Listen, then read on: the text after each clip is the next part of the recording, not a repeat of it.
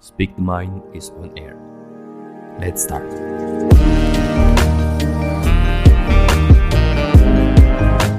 Assalamualaikum warahmatullahi wabarakatuh. Selamat pagi, siang, sore, dan malam.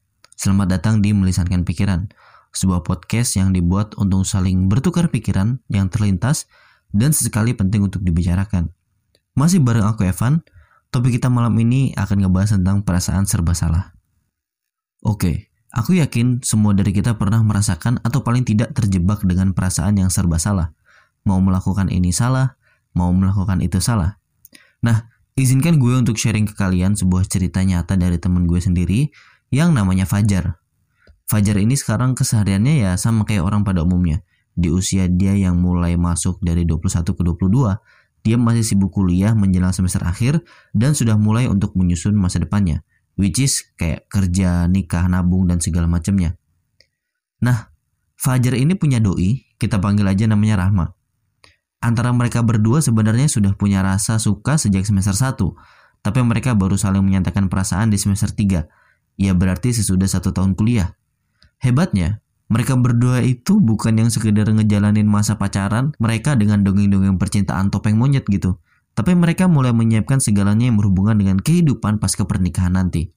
Mereka berdua jualan online, ke sana sini cari supplier, cari pembeli terus dapat untung habis itu ditabung, Saking temanku si Fajar ini serius banget buat nabung biaya nikah, sampai-sampai pernah kita lagi nongkrong di kafe dan dia cuman bawa air putih dalam botol, nggak mau beli. Katanya sih biar hemat. Ya nggak masalah sih, cuman waktu itu karena kita sebagai teman lamanya yang udah kenal Fajar bahkan sebelum dia pacaran, yang namanya Fajar tuh nggak pernah ngelakuin hal yang kayak gitu gitu loh. Singkatnya di semester 7, Fajar tuh mulai memberanikan diri buat datang ke rumah si doinya Rahma dengan tujuan untuk melamar. Ya Fajar memang step duluan untuk melamar walaupun dia belum lulus kuliah karena ada faktor lain yang memaksa dia untuk ngelakuin hal itu. Nanti aku bakal kasih tahu di akhir. Pas datang ke rumah, disambutlah sama orang tuanya si Rahma kan. Habis itu mereka ngobrol, terus lanjut makan malam, dan habis itu pulang. Seneng dah nih temen gue nih karena dari gelagat orang tuanya si perempuan sih kayaknya nggak ada kendala, nggak ada gejala dan semuanya lancar-lancar aja. Sampai seminggu kemudian, temen gue ini dapat kabar nih dari kampungnya kalau ayahnya itu meninggal. Pulanglah si Fajar nih ke kampungnya kan. Dan sesudah tujuh harian ayahnya atau sudah sekitar seminggu, dia baru ngedapetin wasiat dari ayahnya kalau dia harus menikahi sebuah gadis di kampungnya yang memang sudah disiapkan oleh sang ayah sebelum meninggal. Langsunglah Fajar nih mulai terjebak dalam posisi dilema ya kan, dan akhirnya dia milih diem dulu selama satu bulan penuh. Nah, di sisi lain, si Rahma yang menunggu kedatangan temen gue ke kota ini juga udah mulai khawatir karena ternyata orang tua dia juga sudah nyiapin pria yang lebih mapan daripada Fajar buat kehidupan si Rahma.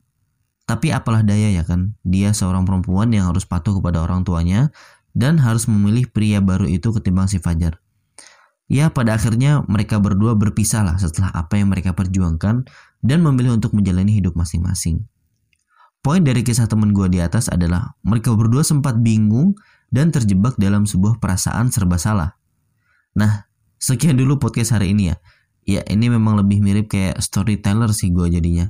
Cuma di sini gue mau kalian tuh ngedengerin ini, terus ambil kesimpulan dan pelajaran sebanyak mungkin dari cerita temen gue si Fajar ini. Dan kalian bisa simpulkan sendiri mengapa seseorang terjebak dalam keadaan dan perasaan serba salah. Terima kasih semuanya yang udah ngedengerin podcast malam ini daripada nambah pikiran mending dibicarakan. Wassalamualaikum warahmatullahi wabarakatuh.